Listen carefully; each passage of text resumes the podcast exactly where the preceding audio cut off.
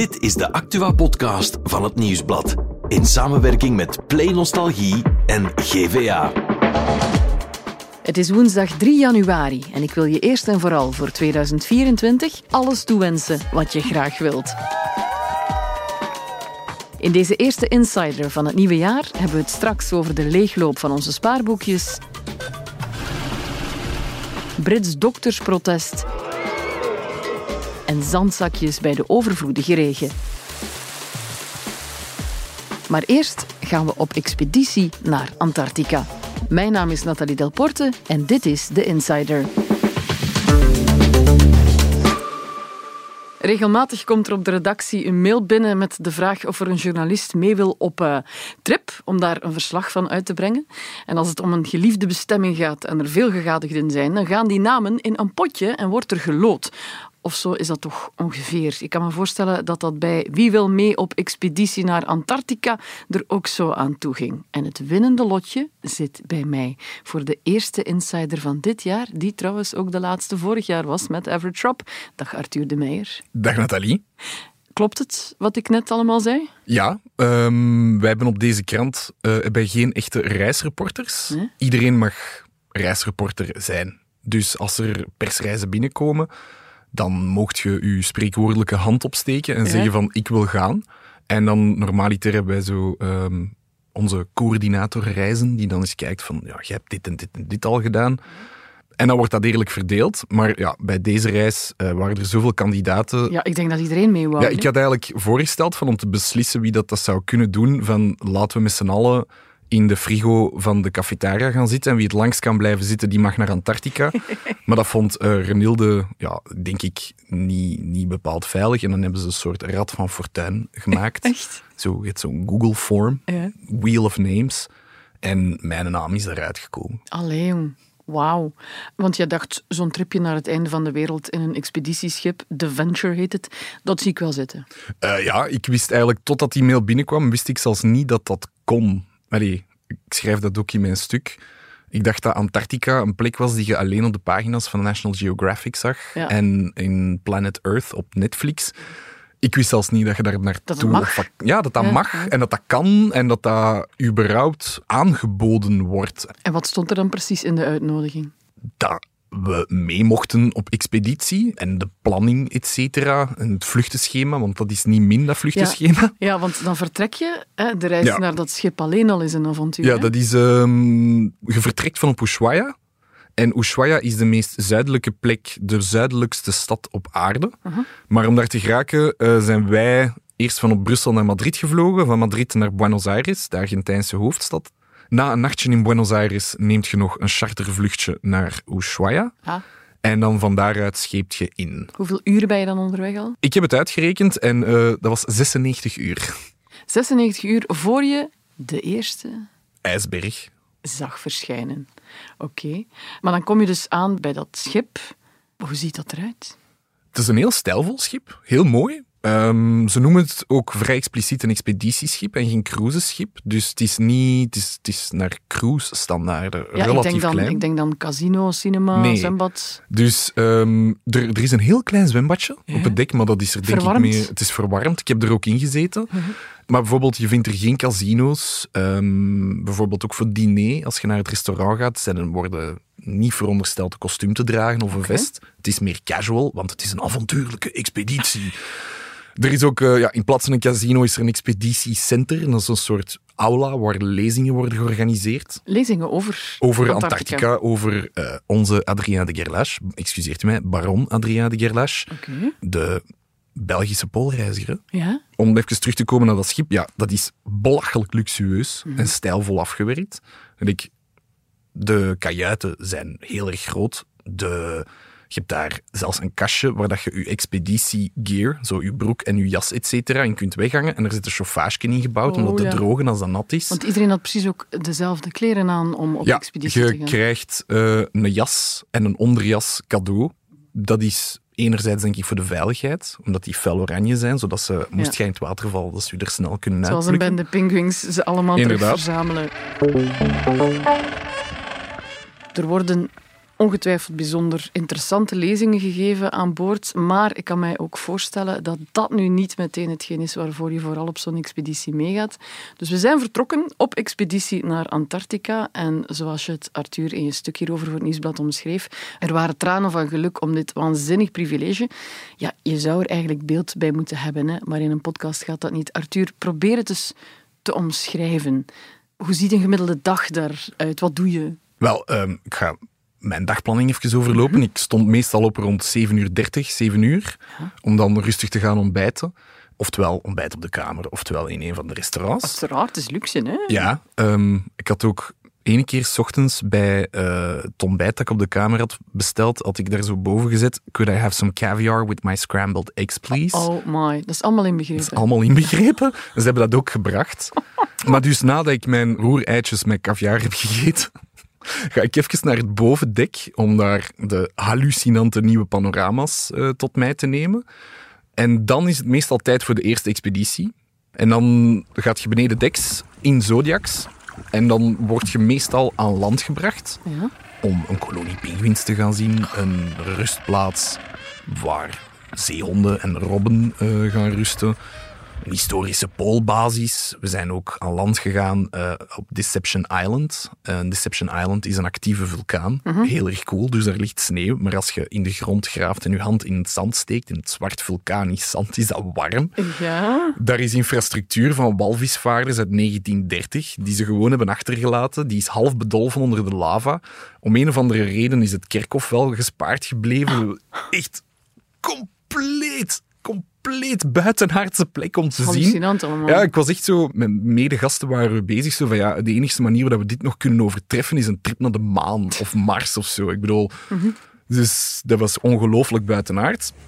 En dan is er nog een tweede expeditie en dat is meestal een Zodiac cruise, waar dat je rondgevaren wordt en uh, naar Van de ene ijsschots naar de andere. Van de ene ijsschots naar de ander. En een beetje zoals op safari zijn op voorhand verkenners uitgevaren die dan naar elkaar over de radio zeggen zo van ja, walvissen om dat uur, uh, om, om één uur bij die ijsschots. Uh, op daar zitten Adelie penguins. Die hebben de gasten nog niet gezien. Allen daarheen. Respectvol en beleefd en op afstand blijven. Dat heb ik meegemaakt in Denemarken, zeehondjes. Maar je, je overtreft het hier maal een miljoen, denk ik.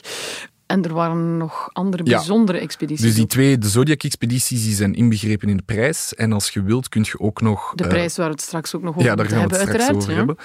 Maar er zijn ook nog extra expedities die je kunt doen tegen betaling. Je kunt een kajaktocht ondernemen. Een kajaktocht. Een kajaktocht op Antarctica. Wow. Ja, dat is... Um, het allermooiste daaraan is de stilte. Ik Ja. heb daar iets heel opvallends meegemaakt dat je niet meemaakt vanuit een Zodiac, omdat ja, die motor maakt lawaai, maar als je daar in stilte dobbert, hoort je dat het ijs knettert. Mijn god. Dus als je, zeker op een plek waar dat er veel ijs in het water ligt, zo'n beetje like een sorbet, een slushy, dat knettert like een friteus. Echt waar. Dat is heel raar. En om dan in totale stilte op je eigen armkracht uh, pinguïns onder je kark te zien zwemmen. En dan is er ook nog um, ja, de helemaal compleet gestoordste uitstap. En dat is in een duikboot. Nee. Ja, je kunt in een duikboot gaan. Uh, heb je dat gedaan? Ja, ik heb dat gedaan. Um, En hoe diep ga je en wat maar, zie je? Dat hangt er een beetje vanaf. Maar de duikboten kunnen tot 300 meter diepte Hm. gaan. Maar de plek waar dat ik gedoken ben, uh, daar was de bodem op 70 meter. En je ziet Antarctisch koraal, hele grote sponsen, zwermen kril, hier en daar uh, een ijsvis, veel armige zeesterren. En uh, ja, dat uh, gewoon al de idee zo van, je wordt niet verondersteld naar Antarctica te gaan op vakantie en al helemaal niet naar de, de zeebodem. Wandelen tussen de pinguïns, kajakken tussen de ijsschotsen, verstoren die rijke toeristen het ritme van al die dieren niet? Ze nemen daar um, veiligheid en milieuregels bijzonder serieus. Ja. Uh, de logica erachter is zo van, ja, wij willen mensen dit aardsparadijs tonen, we willen dat ook bewaren. We gaan het niet kapot maken en, en passant.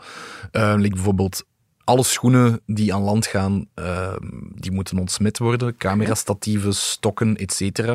Om te vermijden dat je pathogenen zou meeslepen. Dus alles dat in contact komt met alles de dat in grond. contact komt met de grond. Um, de, de, dagen dat je vaart naar uh, Antarctica, de days at sea, wordt alle, worden alle spullen die aan land gaan, gaan uh, gecontroleerd. Ja. Je moogt niet knielen en niet zitten als je kolonies pinguïns gaat bezoeken.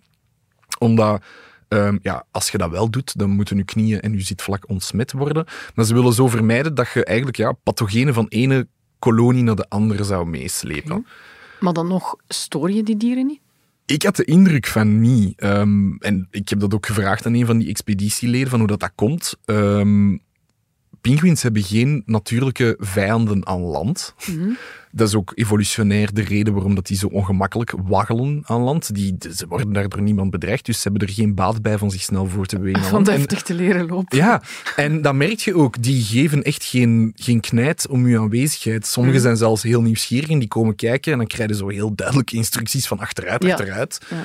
Eh, je mocht niet in hun weg lopen, maar ik had echt niet het gevoel dat ik die dieren aan storen was. Oké, ze doen hun best daar om alles zo veilig mogelijk te houden, geen vieze mensensporen achter te laten en de dieren hun rust te gunnen.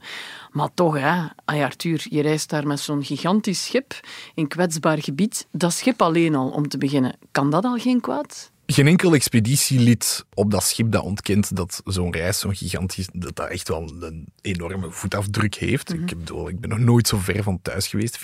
14.000 kilometer in, eh, in vogelvlucht, om precies te zijn.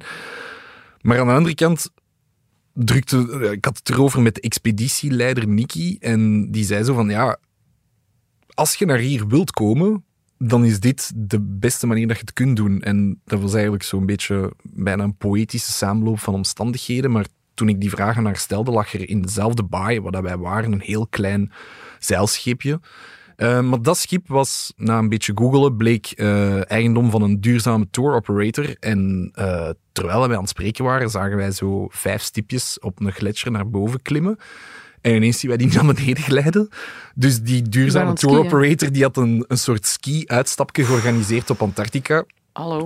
Wat daar bijvoorbeeld dan de expeditieleider Nicky aanstipte, dat zij wij dat nooit zouden mogen, omdat dat bedrijf in kwestie Seaborn lid is van Ayato.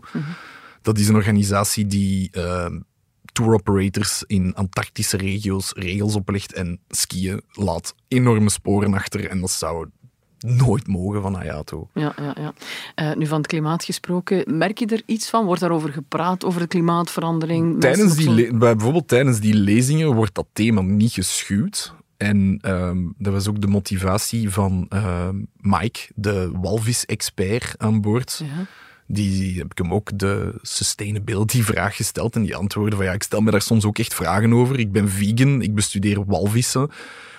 Dieren die bedreigd worden door industriële visserij en klimaatopwarming. Maar hij praatte het voor zichzelf goed. Of hij zei tegen zichzelf van ja, op het einde van de rit ben ik er wel van overtuigd dat dit genre reizen een netto positief saldo hebben. Zijn de, die rijke stinkers die rondgevaren worden in eh, Antarctica vertrekken als ambassadeurs van polaire regio's en het klimaat. Ja, want ik ben nu wel heel benieuwd, Arthur, wie er nu allemaal in jouw telefoonboek ehm, zit ondertussen. Want wie reist daarmee mee met zo'n expeditie? Wel, de beste samenvatting die ik kon vinden is de excentrieke 0,01 procent. En dat is... Dat zijn... Je mag ehm, geen namen noemen, zeker? Nee, ik, mag, ik ga geen namen noemen vanwege GDPR en privacygewijs, Ja. maar ik kan wel een paar beschrijvingen geven. Het, het zijn goede mensen, dat staat buiten kijf. Ehm, maar bijvoorbeeld een rijk Brits koppel dat fortuin heeft gemaakt. Fortuin gemaakt is trouwens de gemene deler van al die mensen. Eh, dat fortuin heeft gemaakt met het aanleveren van eh, leerkrachten Japans en keramiek in de jaren tachtig aan Britse privéscholen. Ehm, een Getty-fotograaf, een Hawaïaanse Getty-fotograaf die ook in vastgoed doet. Een man die tijdens de partitieoorlog, in, waarin India is opgedeeld in Pakistan en India, gevlucht naar de VS, opgeklommen tot het hoofd van een grote hotelgroep, die tot slot verkocht is aan Marriott en ook zo fortuin heeft gemaakt. Ja, we zijn nu kwijt, hè? ik hoor het. Ik heb mijn indexering nog niet gehad en loonsverhoging durf ik ook niet, vind ik ook echt moeilijk om aan te kaarten, dus ik ben er nog niet. Ja, ja, ja, het is goed. Ehm, het is duidelijk dat ik met mijn nieuwjaarsgeld deze expeditie niet ga kunnen betalen. Wat moet dat kosten, vraagt elke luisteraar zich al af van minuut 1 van deze podcast. Zeer veel geld. Hoeveel? Ehm, dat hangt er echt wel een beetje van af. Ehm, maar het komt er eigenlijk op neer, als je op de juiste moment boekt en de promoties een beetje volgt, kun je al gaan vanaf 8000 euro per persoon voor 10 dagen Antarctic Experience. Dat is verschrikkelijk veel geld, maar ja, als je, als je all in, all the way een week naar Ibiza ja. gaat, ben je ook veel kwijt. Dit is, dit is ook iets waarvoor je kan zeggen van, ik, we gaan hier 10 jaar voor sparen. Ja, er was ook zo'n Belgisch koppel dat um, ja, ervoor gekozen had om hun trouwverjaardag te vieren met een tweede huwelijksreis. En die hadden goed op tijd geboekt en die hadden 8000 euro per persoon betaald. En eerlijk gezegd, moest ik getrouwd zijn, ik zou ook liever een tweede huwelijksreis dan een tweede feest doen. Ja. En dat is inclusief kreeft, caviar en er was nog iets speciaals. Hè? Ja, dat was ook echt grappig. Toen we toekwamen, kwamen onze suite attendants zich voorstellen. Wie zijn dat? Dat zijn uh, de mensen die waken over onze suite en de kamermeisjes en jongens uh, aansturen. En die was helemaal in paniek. Zo van, oh nee, sir. Uh, want ik had geen in-room drink preference doorgegeven. Oh my god. Ja, die was echt zo... Ik zag echt wel oprechte angst en stress in die haar ogen. Wat moet ik u nu brengen? En uh, ik was een glaasje champagne aan het drinken en ik, ik, ik, was zo heel ongemakkelijk. Ik wist niet wat doen. En ik zei, uh, sir, I see you drinking champagne. Uh, how about a bottle every day? Allee jong, dat is zwemmen in de champagne, caviar volonté. Um, maar één ding waarschijnlijk heb je niet kunnen doen, hè? Zwemmen in de zee. Uh, toch wel, Nathalie? Nee. ja, ze organiseren daar iets dat heet de Polar Plunge. Huh? Dan leggen ze het schip stil ja. en uh, naast het schip leggen ze dan een zodiac met een trapladdertje, zoals in een zwembad. En um, je mag op voorhand flink wat shots doen om je moed in te drinken. Tequila dan, shots. Ja, ik heb uh, tequila en Jägermeister gedronken. En ook nog aquavit. En uh, tot slot was er een soort vodka die ik niet kende, die heb ik ook geproefd. Oh my god. Toegegeven, ik was een klein beetje popeloeren, omdat ik het anders niet aandurfde. En dan krijg je een harnasje rond je buik en uh, dan mocht jij van de Zodiac in het water springen. Dat is een beetje een ijsbadgevoel? Um, het, het was eigenlijk veel minder koud dan dat ik verwacht had. Ik dacht dat dat verschrikkelijk ging zijn, want ik kan met moeite een koude douche nemen. Maar de beste manier om het te beschrijven is eigenlijk het gevoel van in de sauna als ze een emmer water over uh, de stenen gooien en dat je dan zo een rilling van de hitte krijgt. Mm. Dat maar omgekeerd.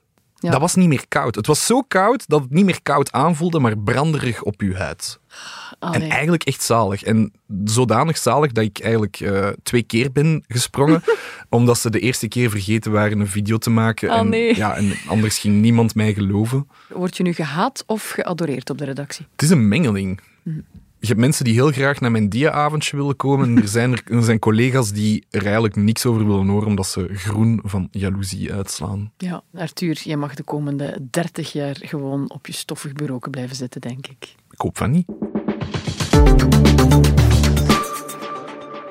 En gezien al onze andere producers nog hun kater aan het uitzitten zijn, ben ik hier zelf nog met het andere nieuws.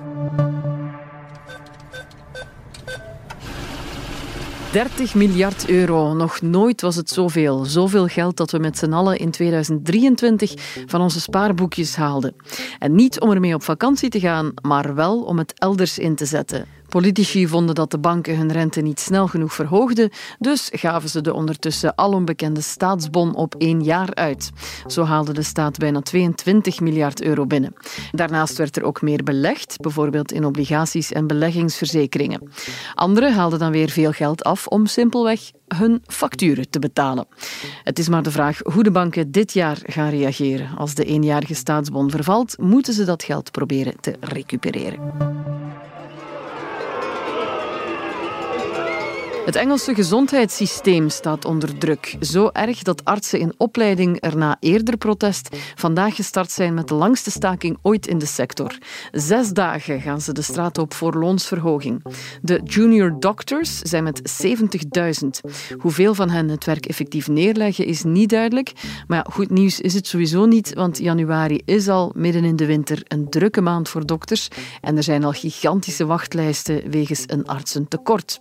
Door de staking wordt de druk op alle vlakken opgedreven. En dat het op de meeste plaatsen in ons land weer veel, vaak te veel heeft geregend en dat kwalijke gevolgen heeft, dat hoef ik je niet meer uit te leggen. Maar rond het thema komt ook een mooi verhaal uit Merchtem, Vlaams-Brabant. Bij de overstromingen van 20 jaar geleden kwamen ze handen tekort om te helpen. En toen heeft de plaatselijke burgemeester een noodcomité opgericht. Dat bestaat nu nog en zo krijgen in nood 130 vrijwilligers in een WhatsApp-groep de vraag om te komen helpen. Om sneeuw te ruimen, maar ook om zandzakjes te vullen bijvoorbeeld.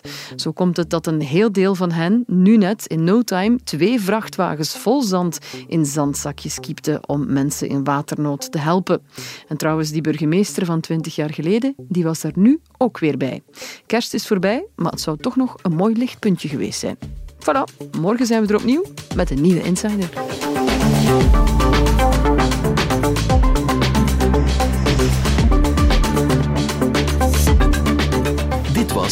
The Insider, een podcast van het Nieuwsblad in samenwerking met Play Nostalgie en GVA. De muziek is van Pieter Santens. De montage gebeurde door House of Media. Wil je reageren? Mail naar podcast.nieuwsblad.be.